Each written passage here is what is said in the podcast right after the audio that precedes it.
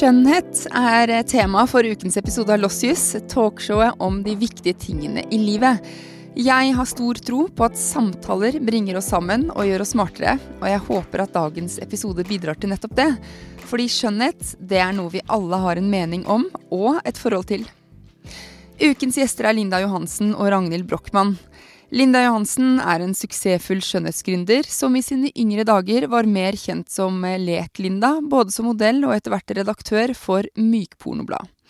Og hvordan er det å bli eldre, er noe av det vi snakker om med henne. Ragnhild Brochmann er forfatter av den eminente boken Stygt og pent, og også kjent som Estetikeren, og har hatt spalter både i Morgenbladet og i D2. Og den tredje gjesten måtte melde avbud rett før grunnet sykt barn, men som du kommer til å høre, med Linda og Ragnhild sammen på øret, er en liten time nesten for kort. Rett etter episoden får du høre en nydelig låt av eh, Emilie Nicolas. Og så blir jeg veldig glad jeg blir veldig glad faktisk om du rater og kommenterer Lossius. Det tar kort tid for deg, men det betyr uendelig mye for meg. Og husk å dele samtalen om en venn, og ta en prat om skjønnhet. I shownotes finner du aktuelle lenker. God lytt!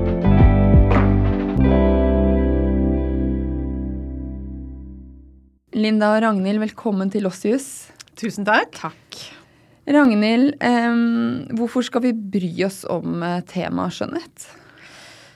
Ja, hvorfor skal vi ikke bry oss om temaet skjønnhet? Vi skal bry oss om temaet skjønnhet fordi mennesket helt siden vi sto opp på våre to små ben og kikket ut i verden, hadde lyst til å se ut som noe mer enn bare en naken liten menneskeape.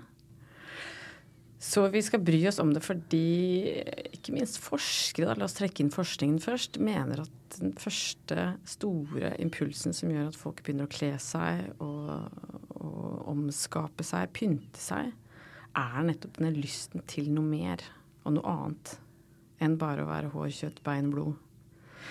Så det er jo et veldig sterkt menneskelig behov, eh, og det behovet har artet seg ufattelig ulikt til ulike tider. Altså bare tenk på en steinalderheltinne løpende gjennom med bein innom nesa og skjell rundt halsen og lendeklede. Ikke for det, det ser bra ut fortsatt i dag, kan man jo godt si. Til Elisabeth den første, som ser ut som en slags insekt eh, i stål og silke og taft og blysminke og bortbarberte eh, øyenbryn til eh, oss tre små damene som sitter her i dag. Altså det, er, det er noen enormt store forskjeller. Eh, og denne jakten på skjønnhet og å være den skjønneste har vært en så vanvittig sterk maktfaktor.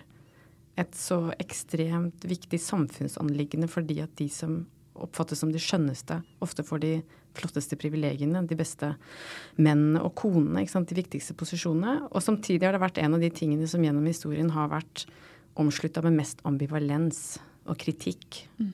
Og det skal vi gå en del inn på i dag. Ja, ikke sant? og det vil jeg bare si. Ja. Hvem er det som skriver mest, og er mest opptatt av skjønnhet og mote og alt det som hører med? Jo, det er jo da menn som elsker å skrive om dette fordi det rører noen så sterke strenger som er dette med identitet, eh, samfunnsposisjon, klasse. Mm. Ikke sant? Alt dette her. Disse store kreftene om at vi prøver å være noen. Så derfor har det vært skrevet vanvittig mye om. Både fra et religiøst perspektiv, men også som et samfunnsanliggende. Så dette her er ikke en ny debatt som vi jo merkelig nok ofte tror eller tenker at det er sånn 'Å, herregud, Sofie Elise, hjelp!' Mens dette er noe vi har holdt på med mm. helt fra begynnelsen av. Mm. Og det tror jeg er lurt å huske på da, når vi engster oss og hisser oss opp og bekymrer oss. Så går vi til skjønnhetssalongen likevel. Vi vil jo se fine ut. Men Linda, hva er skjønnhet for deg? Skjønnhet for meg ja, Det syns jeg er et veldig vanskelig spørsmål. Fordi at um, for meg så er, handler det om to ting. Og nå snakker jeg om meg privat. Okay. Og det er jo fordi at eh, jeg er Jeg er egentlig to personer. Jeg er Linda, og så er jeg Linda Johansen.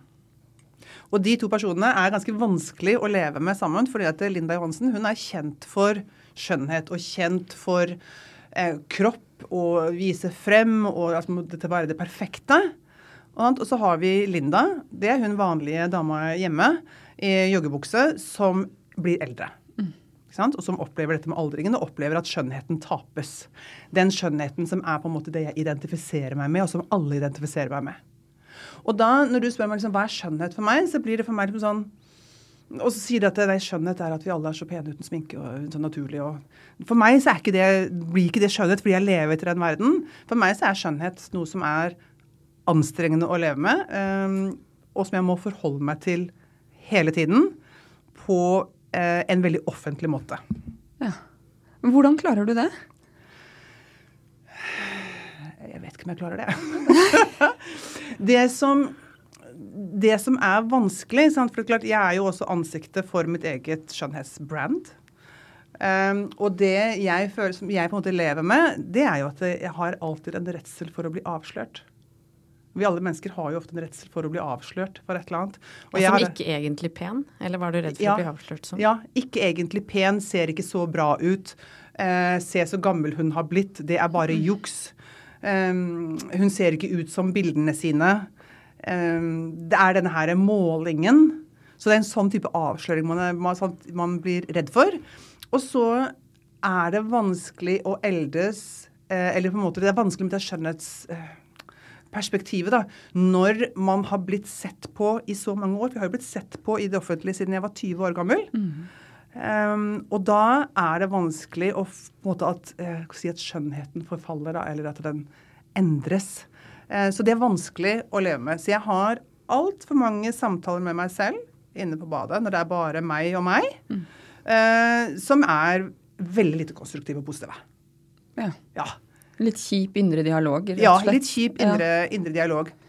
Men når det er sagt, så er det samtidig den kjipe indre dialogen som jeg har, som er drivkraften til at jeg hele tiden vil fremover med det jeg jobber med, f.eks. Og det er også det som gjør at jeg da blir, kall det, litt sint på kvinners vegne, og dette har blitt glemt i samfunnet, ikke blir akseptert for å ha den aldringen man har. For jeg kjenner nok kanskje mer på det enn mange som ikke er offentlige. Og for meg så har det blitt en slags sånn, kall det, kampsak i det jeg jobber med. Mm. Ja, for For deg så går du jo rett inn i kjernen på identiteten din, ikke sant? Fordi du var forbundet med å være skikkelig heit. Skikkelig heit. Um, og jeg var jo også det i en tid hvor av Photoshop og retusjering ikke fantes. Altså da var jo, Når vi tok bilder, så var det jo på fysisk film. Du var film. heit på ekte, rett og slett? Var heit på ekte. uh, men det er klart også det at Og nå er det jo ikke sånn at damer eller samfunnet i dag egentlig går rundt og er så jævlig interessert i hvordan jeg ser ut. Det er ikke det. Men det er jo, man lever jo bare med seg selv. Og så, og så er det noe med at vi bruker meg i jobben min hele tiden. Og det er klart at jeg har hatt mange perioder, og det er spesielt med overgangsalder og en del sånne ting som gjør at de, tuller litt med psyken din. Og da blir jeg litt sånn at jeg har ikke lyst til å gå, for jeg vil ikke at noen skal se meg. Mm. Det, det, går igjen veldig ofte hos meg, men jeg orker ikke, å gå, jeg orker ikke å være med på det. Jeg vil ikke gå rett, jeg orker ikke at noen skal se meg. Og det er den her, Nå blir jeg avslørt for at eh, jeg ikke er det opphøyde som, de man, som jeg tror at de forventer at jeg skal være. Mm. Men, men savner du mest at det er lett ikke sant? Å være ung og vakker er lett. Det er jo bare å ha uh, verdens beste lerret uh, og bare ha en verdens største fordel. Bare gå ut, og uansett hva man har på seg Så ser det bra ut. Så ser det fantastisk ut. Er det, noe, er det sier vi klær, så ser det fantastisk ut. Fordi det ser ut som du bare absolutt ikke prøver å få det til likevel. Er det noe ettersittende, så ser det helt Amazing ut. Ja. Grenseløst ut, fordi ingen har jo en sånn så veldreid kropp. Eh, eller savner du den følelsen av liksom, skjønnheten når du sminket deg og fikk til noe, og du lagde noe som jeg var jeg, fantastisk. Jeg savner, jeg savner, å ha utstående rumpe. Mest rumpe? jeg er så lei av flat rumpe. Nå, nå, tuller jeg litt med det.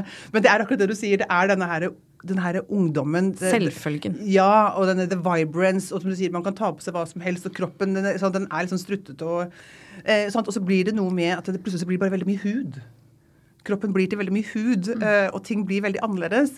Men det handler selvfølgelig også om og dette her er jo, Hvis vi tenker tilbake, hva var det tanter eller bestemødre sa da vi var også Jeg føler meg fortsatt som jeg er 25, ja. Og vi, da vi var unge, var sånn oh, Yeah, right. Mm. Du er jo kjempegammel.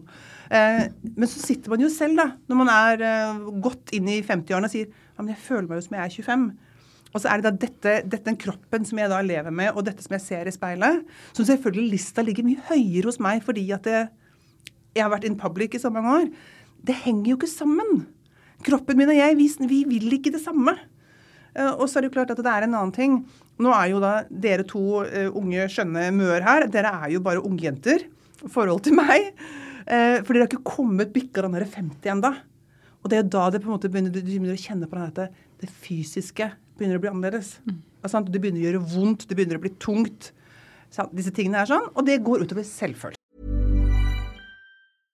Ever catch yourself eating the same flavorless dinner three days in a row? Dreaming of something better? Well, HelloFresh is your guilt-free dream come true, baby. It's me, Kiki Palmer. Let's wake up those taste buds with hot, juicy pecan-crusted chicken or garlic butter shrimp scampi. Mm. Hello Fresh. Stop dreaming of all the delicious possibilities and dig in at HelloFresh.com. Let's get this dinner party started.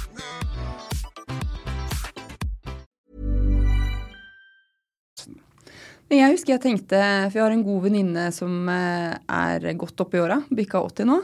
Eh, og jeg husker at hun snakket om noe på kroppen, jeg skal ikke oute henne, men som hun ikke var eh, bekvem med. Og jeg tenkte sånn Hæ? Bryr hun seg om det? Hun er jo så gammel, liksom. Er det så viktig? Og så har jeg skjønt når jeg ser på meg selv, for jeg ser jo at jeg endrer fjeset mitt da, etter at jeg har bikka 42. Eh, det bryr meg jo kjempemasse. Ikke sånn at jeg, Det går ikke utover selvfølelsen min, eller noe, eh, men det er mer eh, at jeg registrerer at det bryr meg, og det overrasker meg litt. Ja. Men, men, jeg syns jo Her er vi jo inne ved en slags kjerne ved denne tematikken som er veldig interessant. Og, og, og det tror jeg handler om at eh, i og med at vi blir så gamle, det er helt fantastisk. Vi eh, har en opplevelse av at vi kan være med og være viktige eh, stemmer, personer, delta i samfunnet hele livet. Mann som kvinne. Men inn i det perspektivet der, og med en skjønnhetsindustri som blir stadig mer avansert, og en kultur som fortsatt er like forelsket i de unge som vi har vært siden etterkrigstida. Det er, det er, ungdommen som er idealet, og som er mest spennende å se på. Det syns alle. Med mindre du holder deg så skremmende godt at det i seg selv er en sak, så gir det bare ikke så stor mening å bli gammel. Det er et veldig eh, godt poeng. Eh, og, og, det tror jeg er det mest ubehagelige. Eh, for jeg tenker sånn Hvis du holder deg frisk, eh, har tankens kraft, har masse skyv, har økonomisk mulighet til å være med på, til å ha en karriere, og så kanskje gjøre noe helt nytt. Først få barn, og så ha et ekteskap, og så få et til, og så blir livet helt annerledes. Og likevel så regenererer ikke cellene dine sånn at du ser ut som du har begynt på nytt. Du er blitt gammel. Ikke sant? Du, du kan ikke utstråle den nyheten gjennom noe annet da enn mer klær, eh, noe nytt, eh, en ny hobby. Begynne å sykle en hel masse. Eh, se ut som du trener hver dag, selv om du kanskje ikke gjør det. Liksom, ikke det, det, kommer inn et slags sånn kompensatorisk element der, tror jeg, for mange. For du føler at jeg er jo så ung fortsatt, jeg har det jo så bra. Det bør jo andre se. Og så se, har du fått uh, ja, mindre fett under øynene, og ting begynner å flytte på seg. Rumpa er plutselig flat, selv om du går på sats. To ganger i uka, kanskje tre. Men, uh, så tror jeg det er en følelse av at, uh, av at på en eller annen merkelig måte i vårt samfunn nå bare ikke gir mening. Og det tror jeg er noe av det skumleste. Mm. Men ja, jeg kjenner jo på, og det tror jeg mange gjør også, litt den her med at samfunnet er ikke så interessert i meg lenger. Eh, altså, du mener ikke sånn meg, men altså min alder. Eh, den alderen som er, sånn, vi, er, vi er ikke interessante, for alle vil ha tak i de unge. Alt handler om de unge. Eh, jeg tar meg selv i plutselig bli den som sitter og ser når man blar gjennom altså ser på aviser eller et eller annet i forhold til hva som går på reality-program som går på TV, sånn Oi, jeg vet ikke hvem noen er. Alle er bare veldig unge. Mm. Og så plutselig er det gått til et steg hvor alle er så unge, og jeg har blitt den gamle.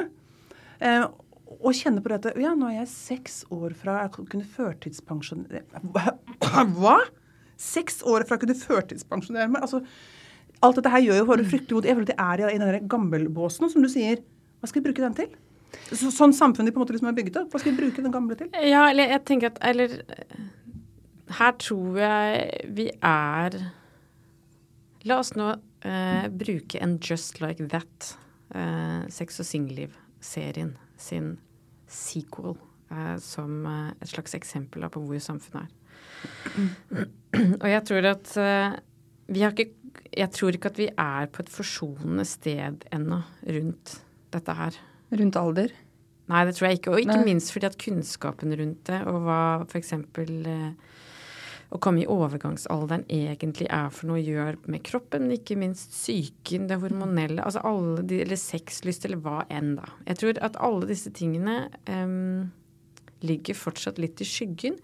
og er skremmende å snakke om høyt fordi at ingen har lyst til å innrømme at det skjer, på en måte. Fordi jeg tror for mange så vil det skje før man syns man ser ut som man er klar til det.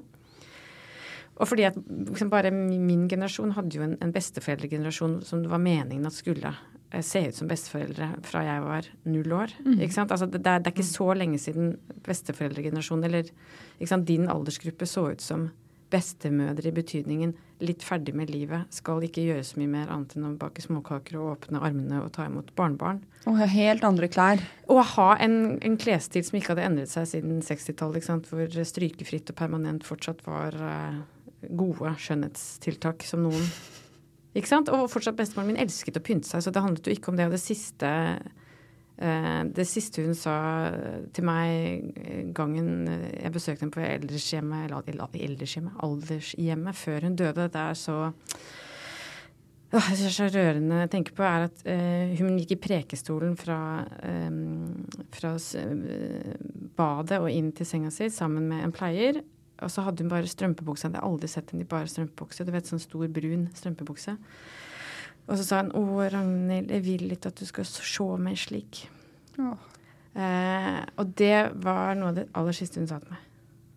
Eh, og det sier jo alt om at den sant, behov for å være noen ved å se ut som noe, mm. og eh, selvrespekten som ligger i det, mm. den har jo endret seg, men likevel så er det jeg tror det er ganske kort tid siden den besteforeldregenerasjonen med de idealene og den ideen om at man bare blir gammel litt tidlig og kanskje har vært husmor, da. Det er kort siden. Og jeg tror ikke at vi har klart å skjønne helt hvor voksne og eldre damer, eller menn for den del, er nå, til sammenligning. Mm. Men er det ikke litt eh, Altså, det må være litt forskjell på kjønn her. fordi bare sånn på, på kveldsstellet mitt Det tar eh, vesentlig lengre tid å vaske dette fjeset og legge på ymse produkter enn for min mann, som er et halvt år eldre. Han vasker ansiktet med håndsoppe, og så pusser han tenner. That's it. Eh, mens jeg har jo et eh, hva skal jeg si, større regime. Så hvorfor er det sånn at eh, kvinner skal liksom eldes med stil i større grad, opplever jeg, da, enn eh, menn? Altså, jeg antar at Botox-forbruket f.eks. er større blant kvinner enn menn.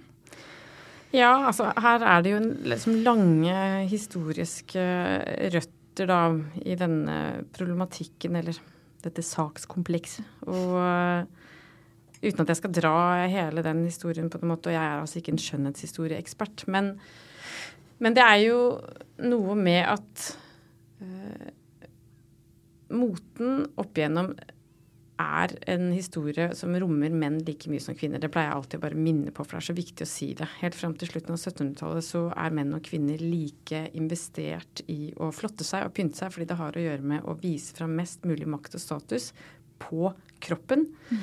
I form av eh, silke og flotte hår- og skjeggfrisyrer og flotte skospenner og våpen og smykker og alt dette her, ikke sant. Så derfor så er det å ta seg godt ut særdeles funksjonelt. Og på en måte enda mer funksjonelt for menn, fordi at de er de som driver verden rundt. Og så På begynnelsen av 1800-tallet så får vi da dette nye mannsidealet, som er å være rasjonell, saklig kledd i, i første varianten av, av dressen. Eh, og samtidig så kommer, det, kommer dette her liksom, eh, rare historiske faktumet at eh, jo mer eh, verden blir for menn flest, jo mer demokratisert eh, muligheten for menn av ulike klasser til å være med og styre samfunnet, jo mer er, har samfunnet råd til at kvinner går hjemme.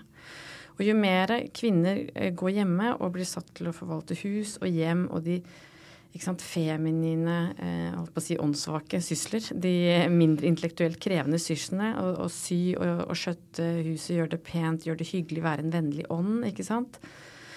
Eh, ta for seg disse myke verdiene og bare være mannens eh, hjemmeliv og attributt og, eh, og ektefelle, eh, så, så, kommer det også sterkere sterkere ideal, som er at kvinnen er de som bærer eh, dette ansvaret og, og, denne forventningen om å visuelt eh, fremstå interessant og appellerende estetisk ettersom tida man lever i.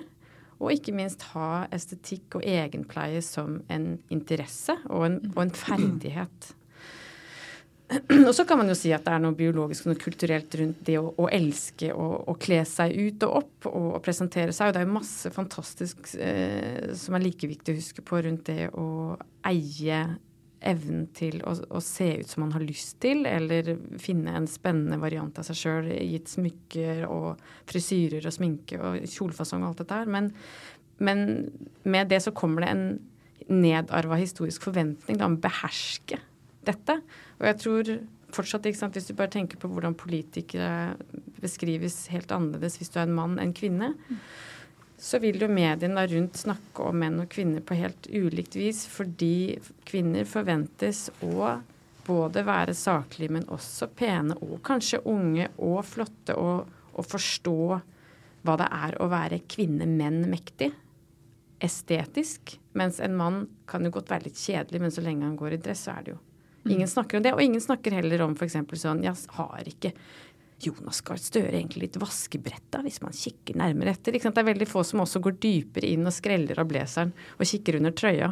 Så, så, derfor så, så, er det noen eh, Kvinner har helt andre forventninger, og vi har jo også andre forventninger til hverandre. Og, og må man jo bare si at det der med å presentere seg selv um, som en interessant form gjennom livet er jo også et kvinnelig privilegium, kan man si, mens menn mye mer stopper opp når de får barn og familie, og kone og jobb er sikret, og den første formative fasen er forbi. Man har funnet en stil, tross alt. Mens for oss kvinner så er det jo både en mulighet hele livet, som er liksom viktig å huske på, eh, og det er en forventning, og det veier nok eh, ja, kan veie tungt også, tror jeg. Så det er noe med å skjønne, eller ombalansere mulighet og forventning og egeninteresse, og skjønne det på nytt ettersom hvor du er i livet, tror jeg, for å leve godt med at vi lever i et samfunn som er grenseløst opptatt av hvordan vi ser ut, og som mener at det er ditt og mitt ansvar. Da. Mm. Men Linda, dere selger jo til kvinner 35 pluss. Så det er et marked du har skjønt eh, har behov for. Sminke- og skjønnhetsprodukter. Ja, og det Man kan si det sånn at jeg har skjønt at markedet har behov for det fordi at jeg er der selv. Mm. Sånn, så det er jo det handler jo litt om meg. Eh, men jeg tror når jeg sier at det handler om meg, så handler det egentlig mest om at eh, jeg tror at jeg kanskje bare har den egenskapen til å klare å formidle og forstå hva, hvilke utfordringer kvinner har etter hvert som de eldes, og hva de finner er vanskelig, hva de opplever med huden sin. Um, og mange av de grunnene til det er at eh, altså Jeg har f.eks. hatt en altså, veldig vanskelig eh, overgangsalder. Jeg har hatt det vanskelig hormonelt før det. Jeg har hatt problemer med huden min. Eh, mange av disse tingene som gjør at jeg har måttet gjøre mye research og sette meg inn i ting for å forstå hvor, hvorfor skjer disse tingene med meg. Hvorfor har, det, hvorfor har jeg det sånn som jeg har det? Og det gjør jo at man blir veldig bevisst. Og i denne bevisstgjøringen da, så har jeg på en måte ransaket meg selv litt og kjenner på hva er det jeg føler, hva er det jeg opplever, og så setter jeg ord på det. Og så startet det jo litt med at når jeg begynte å sette ord på det, så sa andre damer ja, men det er jo akkurat sånn. ja, men Det er sånn jeg har det. Det er akkurat det jeg tenker. Det er akkurat sånn. Så den der reisen min egentlig da med å fokusere mer og mer på voksne, den startet med at eh, jeg holdt en del foredrag om eh, hudpleie og produkter til voksne damer. Og så brukte jeg meg selv og min egen liksom, oppfattelse av ting og tulle med aldring osv. Og, så og så at dette her var noe damene kjente igjen. Og så snakket jeg med dem og hørte, fikk høre hva er utfordringene med hud og ditt og datt. Og det er egentlig litt sånn at denne veien har blitt til at eh, jeg har blitt hva skal jeg si for noe, en som skjønner disse damene. Og i denne bransjen som jeg jobber i, den er stort sett styrt av menn. Og det finnes ikke en mann på denne jord som kan klare å forstå hvordan det er å være kvinne i aldring.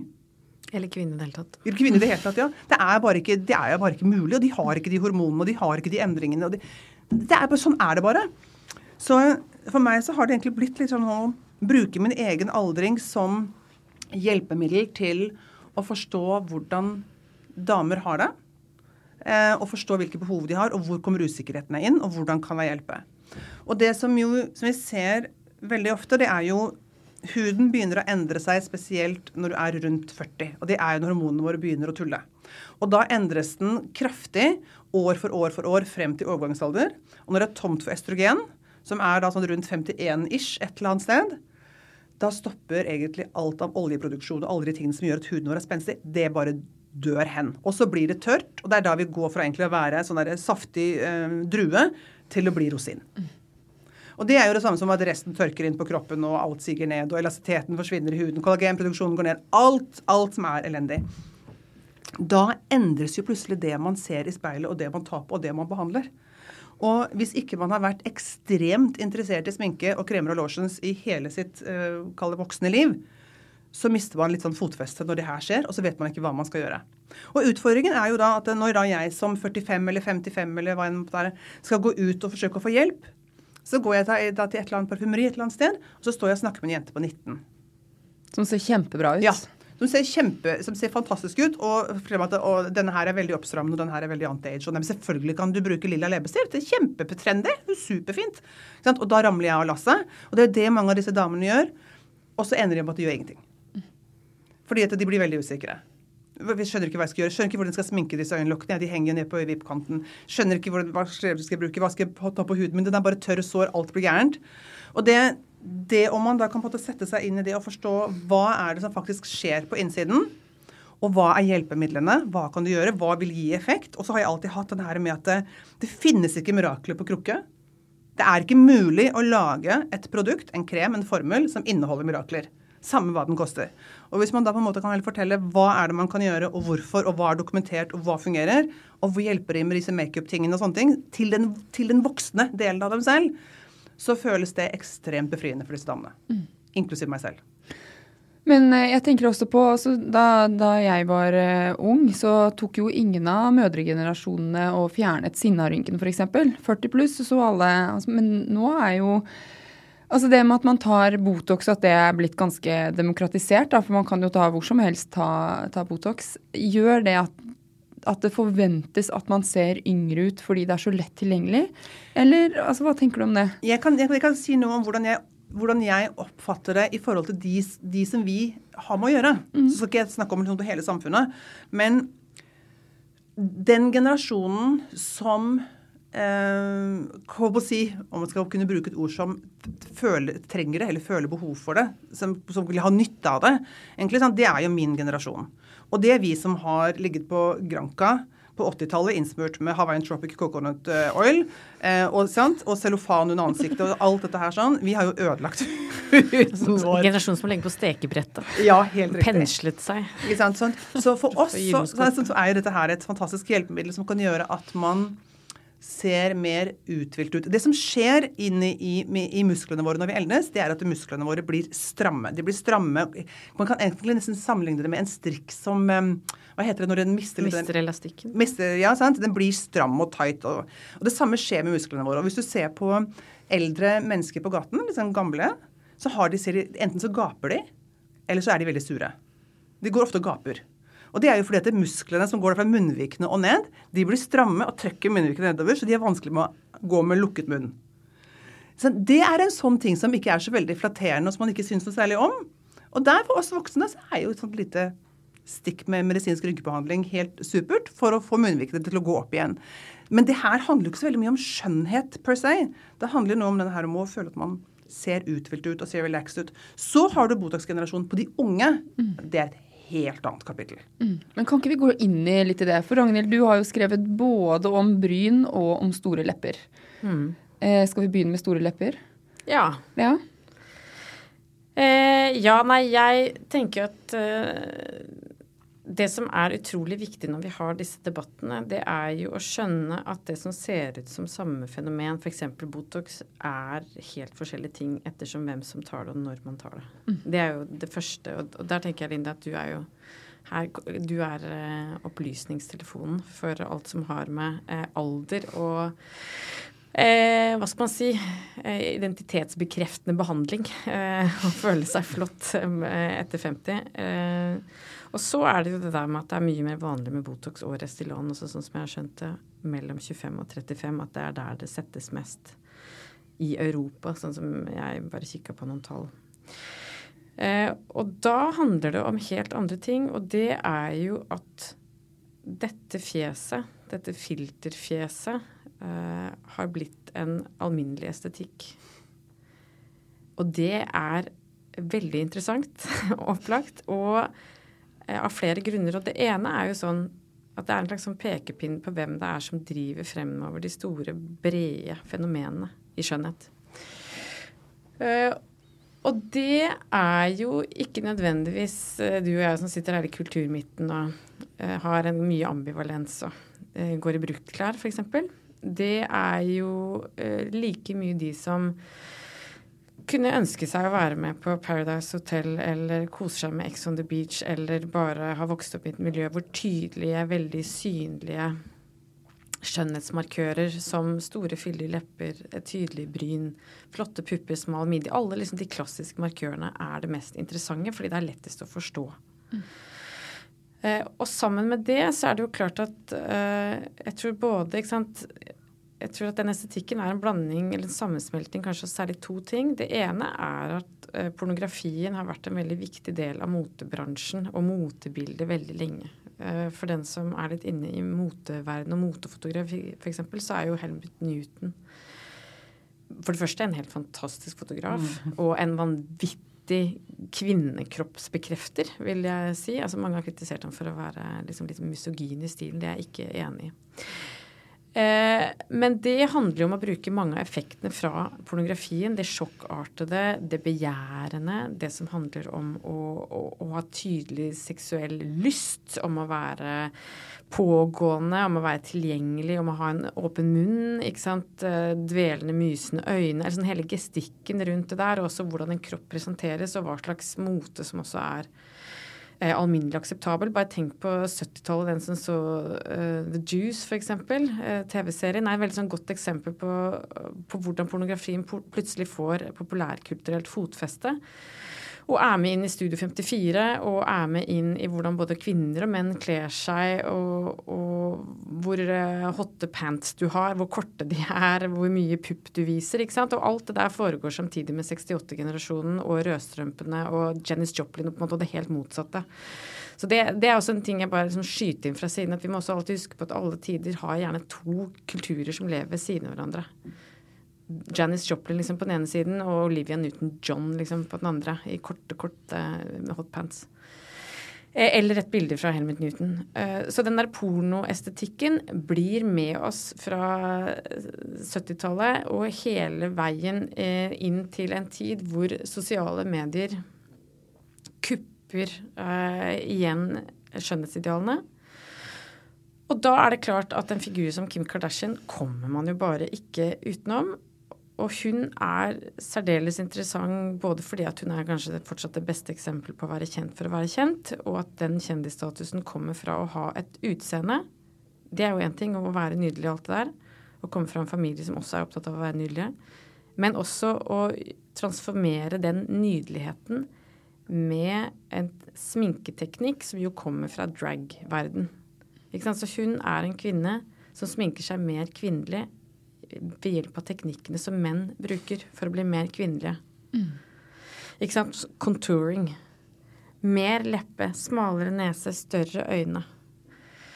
Og det er jo kjempeinteressant øh, fordi at ikke, ikke, bare kommer den estetikken fra menn som prøver å være kvinner og som vil ha noe overtydelig. Det er også interessant at det skjer i, i sosiale medieformat, selvfølgelig, hvor det å ha tydelig og hva skal man si, nesten surrealistiske bilder er relevant fordi at man har lyst til å se noe nytt og noe spennende og noe, og noe utenkelig på en eller annen måte. Ikke sant? Kim Kardashian er jo ikke en, en supermodell. Hun, hun, er jo noe utenkelig på et vis. Og så er det også ikke så lett å vite. altså Hun har jo masse fra pornoestetikken og pornobransjen som jo jeg leste bare noen tall for ikke så lenge siden som er sånn sant, I de første leveårene til internetts historie så er det liksom porno som, sant, som får flest klikk, som, mm. som, er det menn særlig da bruker mest tid på. Bare for å si noe om hvor viktig pornografien er i populærkulturen, selv om den ikke har vært så mye snakka om som den kanskje burde så, så, har vi da denne drag-estetikken som også ligner på filtrene som kommer med de første virkelig smarte telefonene, som også handler om å lage et slags sånn, eh, hva skal man si, uvirkelig filter over fjeset. Eh, og, og lage et slags sånn drømmescenario.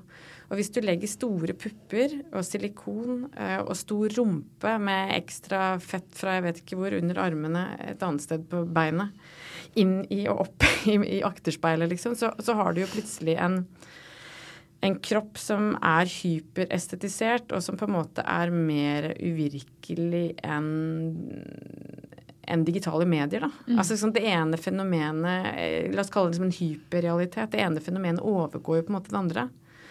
Og det tenker jeg også er en av liksom, grunnene til at folk er så ekstremt interessert i Kim Kardashian. Fordi det er så ja, Det virker så vilt, da. Ikke sant? Og så utenkelig. Samtidig så er det jo noe som er midt i populærkulturen vår, og alle skjønner at det hun holder på med, også skjer i et en lite skjønnhetsstudio nær deg. Uansett om du bor på Kløfta, liksom, eller på Frogner eller Nesodden, hvor du bor. Men jeg tenker også med, jeg syns at mye For nå snakket du om dragsminken. Jeg synes, altså, Det er kanskje ikke den sminken vi tar på oss, eh, Linda, men det, det skinner så mye. Hva er greia med det? Det er, liksom, det er jo lag på lag med ikke mer enn glød, liksom skinnende greier. Nei, jeg tror at det er en del av den hyperrealiteten. Hvis du ser på Lea Isadora f.eks., som er eh, en eh, la oss si det sånn, meget kjent beauty-influencer, som vel er det riktigste ordet. Hun er jo et sånt kjerneeksempel på denne estetikken. Da. Og for meg så er det en slags sånn Det er en blanding av Kim Kardashian, de som er vokst opp med Kim Kardashian. Uh, det er drag-estetikken og sminken. Og så er det en dash uh, anime uh, på det igjen, som også er en slags sånn uvirkelighetsestetikk. At det er både noe barnslig og barnliggjørende. Og for meg som ser veldig dragen og mennene i det, så er det en slags sånn merkelig maskulinitet i det. Og så syns jeg det er et annet veldig interessant aspekt, og det er jo at hvis du setter Botox eller Restylane eller begynner å jobbe med ansiktet ditt på den måten veldig ung, så blir du jo også, i mine øyne, uh, seende veldig gammel ut veldig fort. Fordi en, både fordi at det er en estetikk som jeg forbinder med å se første gang på de som prøvde å unngå å bli eldre, liksom 50 pluss. Og på den andre siden fordi at man ikke lenger ser ut som eh, seg selv du ser ikke ung ut mer? liksom? Nei, det ser ut som du har, har du skal, ser ut som du har kledd deg ut som noen du tror du vil være. Og så blir jeg jo alltid litt bekymra, fordi jeg lurer på om, om teknologien liksom, Hvor lenge det vil holde seg, hva gjør det med ansiktet på sikt? Kommer de til å angre? ikke sant? Det er jo, det er mine sjelekvaler, ikke nødvendigvis de som har gjort dette sine. Men det som nå er jo altså Det er jo ganske store endringer i bransjen nå. For det har jo vært dette overfylte, veldig skulpturerte, veldig stram kjeve, sant? veldig pekende hake, tynne neser, høye kinnbein. Det har vært veldig mye å fylle inn.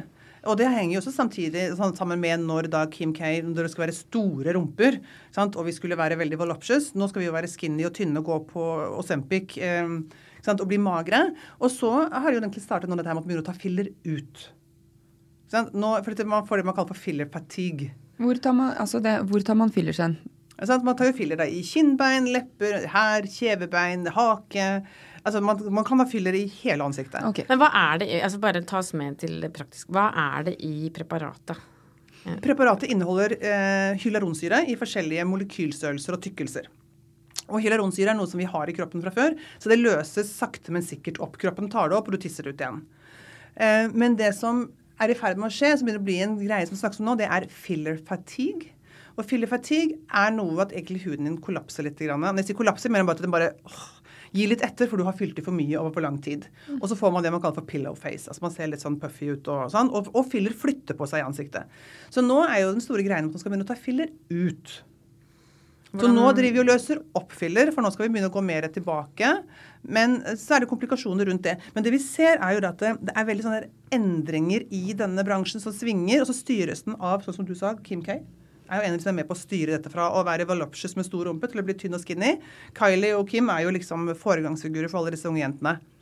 Um, så det endres jo, og det som jo blir en umulig oppgave for, og spesielt for de litt yngre jentene i dag, det er jo hvordan skal de klare å følge dette, både i forhold til lommebok og hvordan de ser ut, og deres egen, hvordan de har det på innsiden. Mm. Um, og det er jo, og det som du sier så fint også, at Instagram da, og sånn, man skal gå rundt og se ut som et filter. Man ser ut som et Instagram-filter. Skal forsøke å skulpturere ansiktet til det. Men jeg tror at eh, vi har kommet til et punkt hvorav For det vi ser som en ny trend i bransjen nå, det er jo at den typiske um, Korean 12 step skincare program. Um, mye fyll i ansiktet. Alt det sånn, det er i ferd med å snu. og The Scandinavian Way begynner å bli noe som vokser veldig. The Scandi Beauty, som de kaller det. Og da skal vi ned på antall produkter, ned på antall ting vi gjør i rutinen. Vi skal være mer effortless, eh, mer basic i klærne. Den henger litt sammen med den der quiet luxury som jo sånt er på full, på full fart. Eh, og man skal på en måte være litt mer natural. Nå er det til og med kommet en egen måte å lysne hårrøttene rundt ansiktet som de kaller for Scandi eh, sant, lyst, det er, det er, nå, er det, nå er det Skandinavia som på en måte står på kartet. Så jeg tror at når vi går, hvis vi spoler et par år fremover i tid, så tror jeg at dette Instagram-filteret slik som vi ser ut i dag, kommer til å se annerledes ut. Men det kommer fortsatt til å være som et filter. Altså Det kommer fortsatt til å være at vi forsøker å se ut som noe som sosiale medier bestemmer. Ja, og... Men kanskje ikke den overfylte som vi hadde vært i lengre tid.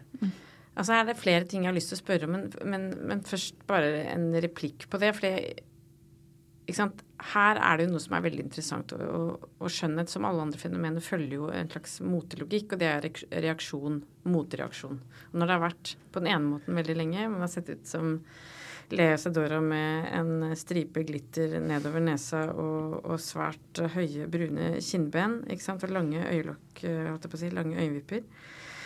Og blanke øyelokk, så vil det komme noe motsatt. Og så er det jo bare noe med at ikke sant, Det er ikke lenge siden vi hadde et skjønnhetsideal som var veldig opptatt av det såkalt naturlige. Da, da Kim Kardashian var på, på det mest eh, oppblåste, måtte jeg på å si, eller eh, mest fantastiske, alt ettersom perspektiv, så, så, hadde vi jo også den første bølgen med flere typer kropper, flere aldre, flere kjønnsidentiteter osv. osv. Og, så og ideen om å bare være naturlig. ellers hadde vanlige såkalt kropper. Eh, du kunne til og med ha fregner eller fødselsmerke i fjeset. ikke sant? Alt dette er det, det naturlige.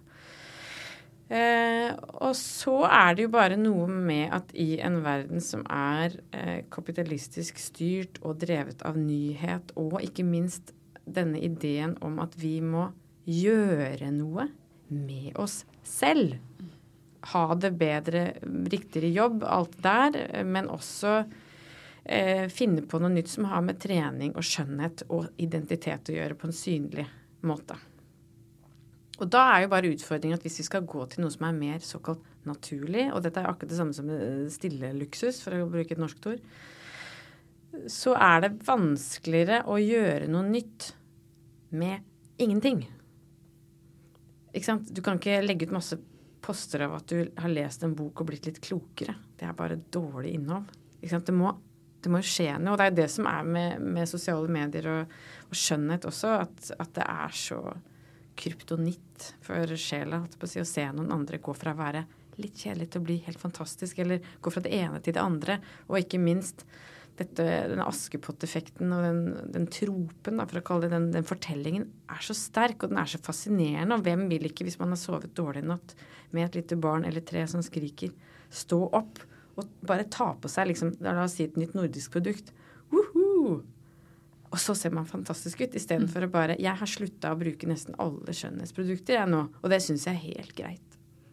Men da bruker man vel heller et produkt som, eh, eh, som virker på veldig mange måter, og eh, som man selv vet er dyrt. Da. Det er kanskje litt i samme trend som stille luksus. Jeg fortsetter på den norske. Ja. At de som vet, de vet.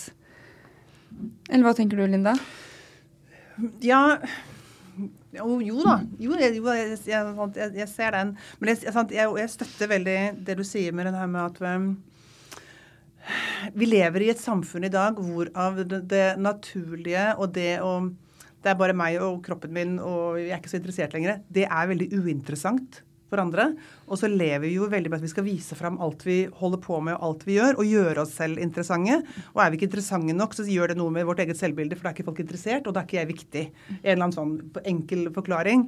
Sant? Men vi plikter jo også å være interessante for oss selv. Ja, ikke sant? Så, så, det er jo det også. Eller like mye det. Absolutt. Og det, driver, som, det, som, du sier, det driver jo ting fremover hvor vi pusher våre egne grenser. Og det er nesten man kan si at det, hvis du tar sosiale medier, da, og jeg tror spesielt for de som er uh, litt yngre, så er det sånn at man, man alle svømmer rundt i den samme andedammen, og alle er med på å pushe de samme grensene. Og som gjør at alt blir veldig normalisert. Mm. Det er helt normalt å forsøke å se ut som et Instagram-filter. Det er helt normalt å ha oversized rumpe eller å ha veldig store lepper. Det er blitt helt normalt å ha og Nå bruker jeg litt sånn uttrykk å ha fillerbart. Fillerbart er at du har for mye filler i leppen som gjør at du får en liten bart som ligger over. en liten sånn... Akkurat, det er akkurat som når du har skygger her fra ja, falske øyevipper. Ja, det, det, er, det er noe med at det er, blitt, det er liksom terminologier som det plutselig har blitt veldig helt normalt. Å, gud, har fått sånn fillerbart. Men gud, kjempefine lepper, da. Griselekkere. Og så skjønner man ikke at det egentlig handler om at man ser bare veldig rar ut. Mm. Men, ja, er, Men, er, det vi som ser For jeg syns jo det ser snodig ut. Men da tenker jeg sånn, vet du hva, det er et tegn på at jeg begynner å bli gammel. Jo, men, ja, men, liksom, men det er jo også sant. Men her har jeg bare lyst til å kaste inn en annen ting. Eh, bare for å huske på hva det er vi snakker om, om og hvor eh, mange med dagens øyne rare skjønnhetsideal vi har hatt. Da. Bare for å si noe om hva som er liksom typisk for akkurat nå. fordi hvis vi kikker på uh, bilder fra 80-tallet f.eks., eh, og folk som har pyntet seg, eller i et uh, mer eller mindre ålreit motemagasin, så er det jo ikke grenser for hvor uh, Coco Bananas, et, uh, en hårsveis eller uh, skulderputer eller liksom mengde rouge, da. Mm som er liksom totalt uh, culture club, uh, og igjen også preget av homoscena f.eks., og MTV-skjedde, og enorme kontraster, og krepp og glitter og grønn øyenskygge og fiolett leppestift og høyrosa kinnbein. Ikke sant? Altså, den også har en, en hyperrealitet og et sånn mm. visuelt overmot som, er, som det jo var mer av på bakkeplan eller på et julebord enn det det er nå. Blant både unge og gamle, kunne man jo si, da. Så det er jo liksom et eller annet med Altså den store forskjellen er jo igjen det her med at vi at vi jobber med For det første er, er skjønnhet veldig mye mer teknologisk avansert, og vi jobber med å kna det inn i kroppen. ikke sant? Enda mer trening. Enda mer inn og bak kinnbein og inn i leppene og øyelokkene. ikke sant? Så det er jo noe med at å pynte oss mye og bruke mye tid og krefter på det hvis man har det, er ikke noe nytt. Men eh, muligheten til å gjøre det på en såkalt avansert, høyteknologisk måte er mer og mer demokratisert. Og med mm. det så kommer det jo også en slags sånn merkelig naturalisering som er det der med at vi at, uh, at det blir lettere å tenke på det tror jeg, som en slags naturlig ting å gjøre fordi det er sprøytespisser inn og ikke mm. leppestift utenpå. Mm. Og derfor tror jeg også vi får mer sånn, eller jeg, da, uh, hvis det er en kjempestor nebbeleppe på trikken. Fordi Både fordi jeg ser for meg sprøytespissen som på en måte gjør det, og så tenker jeg herregud, det er på ordentlig. Så det sier noe med at jeg lever et lite sosialt vakuum, holdt jeg på å si. Også, men, men, det er noe med at eller, eller som har tatovert sminke, eller ikke sant, at, at det er en annen sånn ugjenkallelighet over det. Og det tror jeg for de som ikke gjør det, eh, virker skumlere enn å se en person i vill sminkestil. Mm. Ja. Men, jeg, men, jeg, tenker det som, er, som jeg syns er viktig, og det er, og det er, derfor jeg har denne med at eh, mitt fokus er damer 30, 35 pluss, og den største gruppen av, av, våre kunder eller damer som er interessert i det jeg holder på med, de er mellom 45 og 54-60. Og det som er, som er viktig, at vi må skille på de yngre som jo etter vår mening egentlig er perfekte fra før. Ungdommen er jo bortkastet på de. De er jo så nydelige som de er, og de trenger ikke alt dette. Og så har du de voksne. Jeg kan ta et eksempel. Jeg har faktisk en dame som jobber for meg. Uh, hun er 47 år gammel uh, og har opplevd aldringstegn som gjør at hun ikke trivdes så godt med eget utseende. Det var mye hulheter under øynene, hun var ganske tynn. Hun bare følte at det bare var ikke henne. Og så snakket vi om dette her om hun skulle gjøre noe, om hun skulle ta noe filler eller gjøre noen ting. Og jeg forsøkte å forklare for henne hva filler egentlig betyr hvis du tar for en voksen dame som har mistet, som har, mistet, har fått volumtap i ansiktet, hvor det har blitt hult og sånne ting. Og så var det, det var mye mye frem og tilbake i mange mange uker før hun tok mot til seg og sa OK. ja, ok. Det går egentlig så går det imot mine prinsipper, for dette skulle, burde jeg ikke gjøre. Jeg skal eldes naturlig og være fornøyd med det jeg har. Men så sier hun ja, vi, vi gjør det, jeg vil prøve. Så gjør vi dette. Så vi, vi injiserer da litt filler, og da er det i hulrommene som ligger innunder øynene. Litt på kinnben for å ta tilbake litt volum, og litt i leppene, fordi leppene har blitt da bare til en smal strekk. Jeg har sjelden sett noen som har blitt så lykkelig og så glad.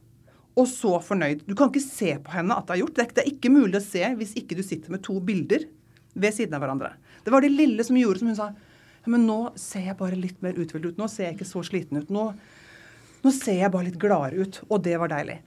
Men likevel så jeg tror at det blir fordømt i, i visse sosiale lag, Ja, om man kan si det sånn. For jeg det. husker jeg var på sommerfesten til Cappelen Dam for et par år siden, hvor jeg sa sånn Når jeg blir eldre, jeg skal ta Botox. Og det ble sablet ned rundt bordet. Eh, om at Du var modig, da. Ja, det er jo gøy å si det òg, da. For det blir jo en diskusjon. Men, eh, men ja. At det er litt sånn eh, Og jeg tror også at mange som kanskje gjør det, ikke tør å si det fordi man blir stemplet som overfladisk, fordi man eh, ønsker å se mer våken ut, f.eks. Eller fordi man skal egentlig. altså Myten er at man skal bare eldes med stil, eller Ikke sant? Ja. Og, det, sant, og det var akkurat det hun sa også. Hun, hun, var, hun var veldig opptatt av kommer noen til å se det. Kommer vennene mine til å se det? Kommer mannen min til å se det? Sant? Og du skal ikke behøve å måtte tenke på den måten at du skal shames av kall dine medsøstre eller av andre, fordi du tar noen valg som gjør at du føler deg litt bedre. Og jeg tenker det er viktig å skille mellom Instagram-generasjonen og Instagram-filtre og voksne damer som har passert 45-40-45. Det, liksom- det er to forskjellige verdener. Og da kan disse tingene være et veldig fint hjelpemiddel til at man faktisk føler seg bedre, fordi vi skal faktisk leve mange år til. Vi skal leve mange år til, og vi skal ikke stå på kjøkkenet og bake småkaker eh, og, og, sånt, og for å please mannen. Vi skal ha våre egne karriere, vårt eget liv og være flotte, fantastiske damer. Eh, og det er jo dessverre sånn at ofte de vi shames av, er jo av andre damer. Fordi man tar, ønsker å ta slike valg. Og jeg brenner veldig for Og det er at alle kvinner har rett til å eie sin egen aldring.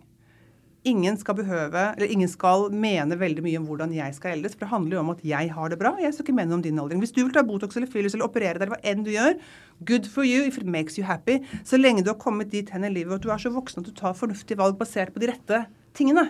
Du, du tar ikke det valget fordi at du har lyst til å se ut som et Instagram-filter. Du gjør det for din egen, sant? din eget velvære og ditt liv.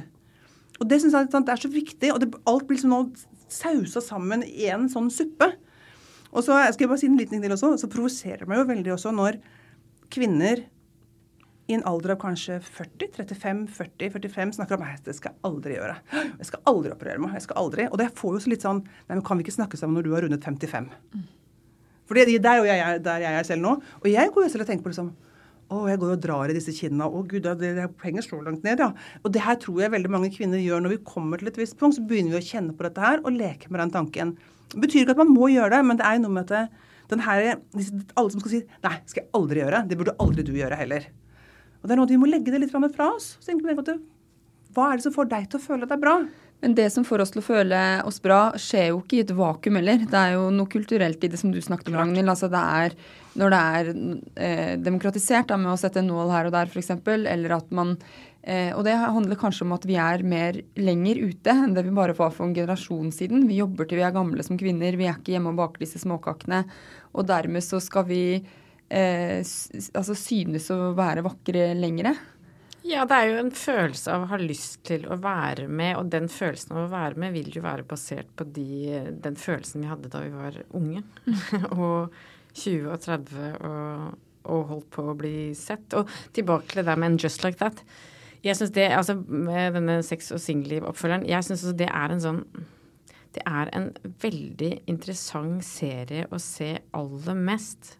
Fordi det å snakke vettugt om å aldres og fortelle om det på en vettug måte, ikke minst hvis du skal holde deg i eh, både holde på de gamle temaene, eh, nye og gamle forhold, date, eh, skjønnhet, kjoler, eh, livet på kafé og alt det der, men også prøve å snakke litt dypere om hva eh, overgangsalder egentlig er, eller å miste en partner. Så er en Just Like That et ganske bra sted, for det viser hvor utrolig vanskelig det er. eh, og hvor godt og dårlig de lykkes da, eh, med dette. Eh, og med hun, husker ikke hva skuespilleren heter, hun som spiller Charlotte, som jo bare har eh, ikke sant, gjort om på fjes på en måte som jeg tenker er lite sånn karrierefremmende for henne. bare fordi det er, altså, måten, det er også noe med det. ikke sant, Når du begynner å ende, det er jo noe med måten det gjøres på, og graden. Så hun for meg er bare Gir meg liksom berøringsangst. Sarah Jessica Parker har jo alltid hatt et veldig egenartet ansikt, og aldri derfor bedre, ikke sant. Med disse fantastisk eh, Den store, nydelige nesa si, disse utrolig små, smale høyhælte Det ser ut som hun er født med høyhælte sko, ikke sant. Mm. Eh, og, og, Miranda, som jeg tenker at har tålt tidens tann absolutt best, fordi hun aldri var den store lookeren av de, og nå mm. gjør et comeback fordi at, at, hennes karakter viser at med riktig og interessant styling og god skreddersøm og alt dette her, så, så havner du plutselig øverst igjen istedenfor å være den som har liksom falt i gradene, fordi at det å kle seg til den nye kroppen, den nye rollen, gjør underverker og skaper en selvtillit og er noen ting, da. Så eh, for deg som ikke har sett eller tenkt at det er en sånn uh, grusom serie, så, så syns jeg at det er egentlig en sånn serie som man burde se som en vennegjeng. Særlig hvis man har en sånn aldersstrekk i gruppa. Ja, for nå, du solgte den veldig bra for min del, altså. Fra slutten av 30-åra til liksom mm. slutten av 50-åra. Da tenker jeg at man skal sitte og se den sammen, og så skal man snakke om hva er det å, å, hva er det å endre fjeset og ikke. Uh, hva er det og, og, og, ikke sant, etterpå så kan du se en ny musikkvideo med Madonna, som er, som er det liksom, beste eksempelet for meg på hva det er å gjøre altfor mye med fjeset, og all, hvordan aldersangst mm. ser ut. Ikke hun var jo dritheit når hun var 40. Herregud, så ja, bra hun ja, så ut. Absolutt. Og, og, med, og med henne syns jeg også det er ekstra interessant, fordi at det er noe med jeg skjønner, Hun har jo skapt fenomenet artist som endrer seg per tiår på en måte som ingen andre har forutsett, og så sette trendene. Det er en vanskelig act å leve opp til. Og sant, Hun har, har, skapt en myte om å, å, kunne bli ny og spennende uansett hva slags tid eh, og hva slags publikum hun møter. Vanskelig å, å holde oppe den. Og så er det jo også noe med å å ha denne evnen til å forandre utseende og også og ansiktet da, frisyre og alt det her. Og på et eller annet tidspunkt så er det klart at da blir du gammel, sånn som mm. Madonna har blitt. Og da har hun gått for dette filterfjeset som gjør at hun jo ser mindre ut som seg selv for hvert år som går. Eh, og har mindre og mindre mimikk. Og mindre og mindre forteller da, mener jeg, en interessant fortelling om hva det er å være i gamle dager liksom verdens eh, kuleste dame i betydningen e- enorm evne til å finne opp kruttet på nytt, til å bare bli en som er veldig lik de andre. Mm. Og samtidig, jeg skjønner at hvis du er Madonna og føler at hele imperiet ditt er bygd på kroppen og utseendet, og stemma ja, kanskje er dårligere enn den var før, hva ville jeg ha gjort?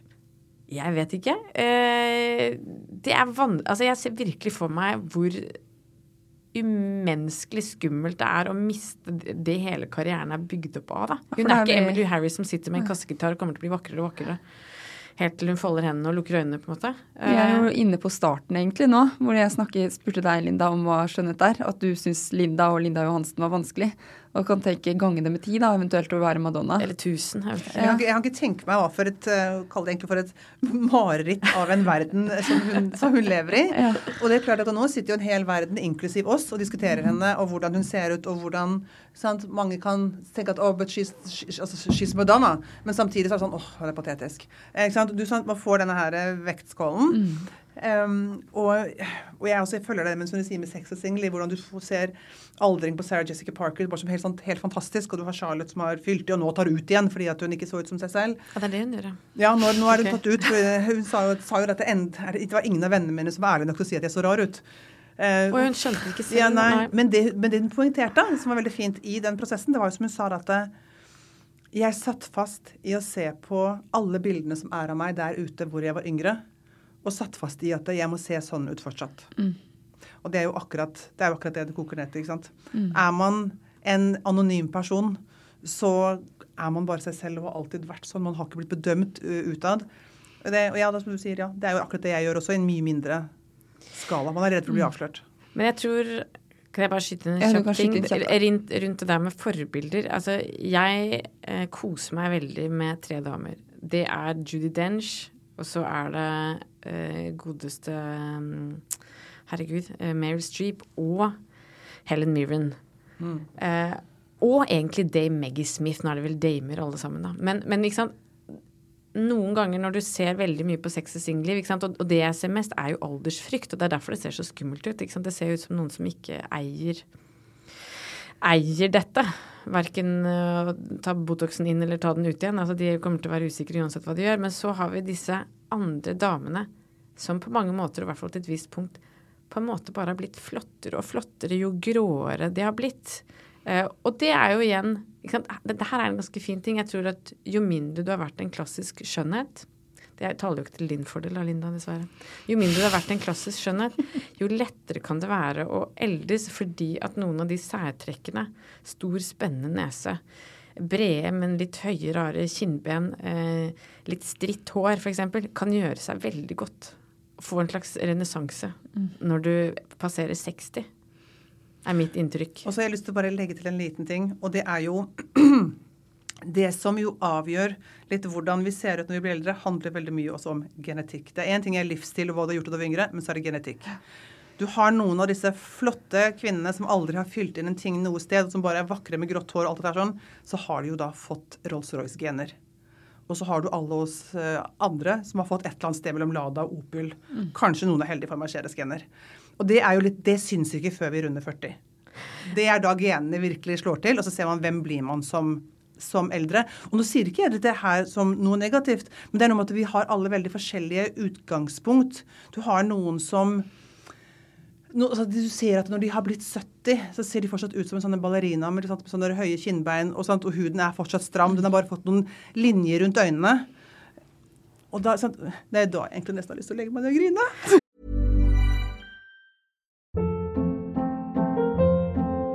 Hold up. What was that? Boring. No flavor. That was as bad as those leftovers you ate all week. Kiki Palmer here, and it's time to say hello to something fresh and guilt-free. Hello Fresh. Jazz up dinner with pecan-crusted chicken or garlic butter shrimp scampi. Now that's music to my mouth. Hello Fresh. Let's get this dinner party started. Discover all the delicious possibilities at hellofresh.com. Eller så må man se på en, et YouTube-klipp med Maggie Smith, altså hun som spilte The Dowager i, Count, i Counton Abbey. Downton Abbey. Du må se på et klipp med henne som 35. Altså hun ser ut som hun er 65, nesten. Eh, og for, hun tilhører en generasjon som hvis du begynner litt skrapa og ser ut litt som en eldre skilpadde for å være litt eh, slem, så blir du dritflott når du blir 70. Ja, så, det er jo et så fantastisk utseende. ikke sant? At, at, tilbake til det med at skjønnhet er veldig mange forskjellige ting. Og at det å være noen og ville noe og hele tiden endre utseende og kle seg og, og virke og holde på eh, Det er noe med at de som begynner som mest liksom inntørka ja, syns jeg da, ofte får noe veldig interessant når de kommer opp i åra. Mm. Det er akkurat som det skjer en slags sånn frigjøring. OK, jeg var ikke superhot da jeg var ung, men se nå. Mm. Det er deilig å tenke på, tenker jeg. Men jeg vil også, jeg føler at vi har gått rundingen. Nå snakket vi litt om, om eh, Madonna og deg. Og så har vi bevist at skjønnhet overhodet ikke er overfladisk. For jeg merker at jeg kunne hatt dere i studio i fire og en halv time til minst. Men vi må runde av. Så tusen takk for at dere kom til, til oss. Takk skal du ha. Åh, vi kunne, nå går vi på bakrommet, Linda. Ja, ja. det gjør vi. Jeg blir med. Straks får du høre låta 'Everyday' av Emilie Nicolas, og den låta finner du også på spillelisten Lossius på Spotify sammen med andre fine låter. Og så blir jeg skikkelig glad om du rater og kommenterer Lossius og snakker om skjønnhet med en venn, en kollega eller noen du er glad i. I shownotes finner du aktuelle lenker, og så høres vi neste uke for sesongens aller siste episode av Lossius.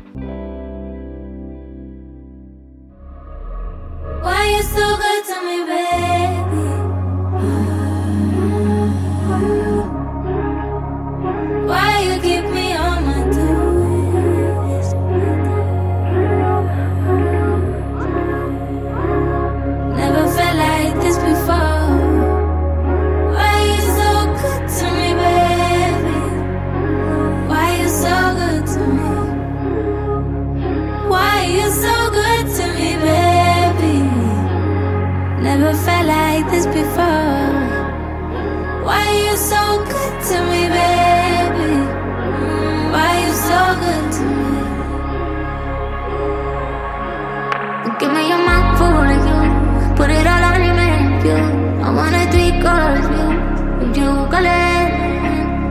Mind full of you.